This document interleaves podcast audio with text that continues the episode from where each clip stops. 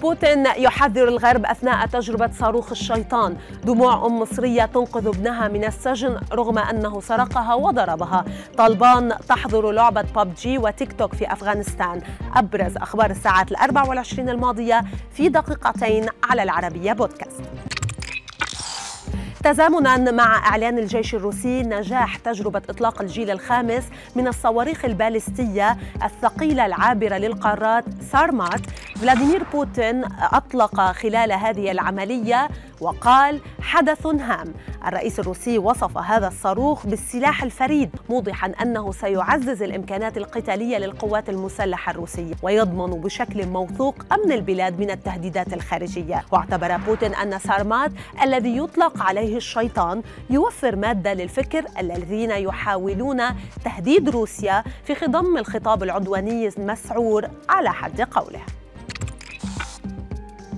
بعدما سرقها بالإكراه تحت تهديد السلاح وضربها وسط الطريق حكم قاض مصري ببراءة شاب كان اعتدى على والدته في مدينة المحلة شمال العاصمة القاهرة. وسائل إعلام محلية أوضحت أن والدة الشاب حضرت إلى قاعة المحكمة مطالبة القضاة والدموع تملأ عينيها بالحكم ببراءة ابنها ابنها بعدما سمحت مشيرة إلى أنه كان يرغب في خطبة إحدى الفتيات فرفضت وطلبت منه الانتظار حتى تتحسن أحوالهم المعيشية. فيما أعرب المتهم عن ندمه الشديد لما فعله متعهدا بعدم تكرار مثل تلك الأفعال. قررت حركة طالبان حظر لعبة ببجي الإلكترونية الشهيرة وتطبيق تيك توك للتواصل الاجتماعي في أفغانستان باعتبارهما يضللان الشباب الأفغاني.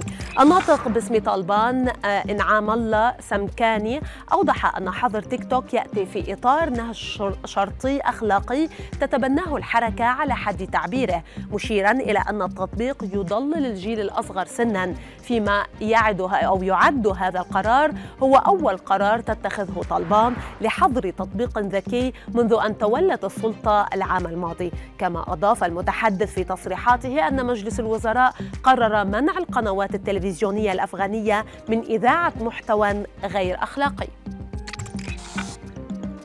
إلى أمريكا هذه المرة حيث أثار مقطع فيديو غضبا واسعا يظهر فيه أحد أفراد شرطة نيويورك وهو يوقف طفلا من أصول أفريقية لسرقته كيسا من رقائق البطاطس. مقطع الفيديو انتشر بشكل واسع على وسائل التواصل الاجتماعي وحاز على أكثر من 6 مليون مشاهدة على تويتر لوحده. ظهر فيه أحد الأشخاص وهو يحتاج على طريقة توقيف الطفل. مخاطبا الشرطة قائلا الطفل ليس مجرما كما تعتقلوه. هكذا فيما ظل الطفل يصرخ ويبكي. من جهة أخرى أعلنت إدارة الشرطة أنها تحقق في مقطع الفيديو مشيرة إلى إطلاق سراح الطفل دون توجيه أي تهمة له.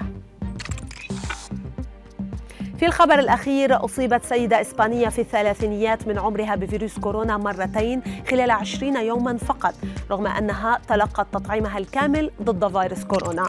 صحيفة الجارديان البريطانية أوضحت أن المرأة المصابة تعمل في مجال الرعاية الصحية في إسبانيا مشيرة إلى أن الفترة الزمنية بين الإصابتين لديها تعد أقصر مدة سجلت على الإطلاق حتى الآن. فيما نقلت الصحيفة عن باحثين قولهم إن حالة السيدة الإسبانية تعد بمثابة مؤشر على أن متحور كورونا أو أوميكرون قد يستطيع خداع ومراوغة جهاز المناعة لدى الإنسان الذي أصيب بمتحورات سابقة.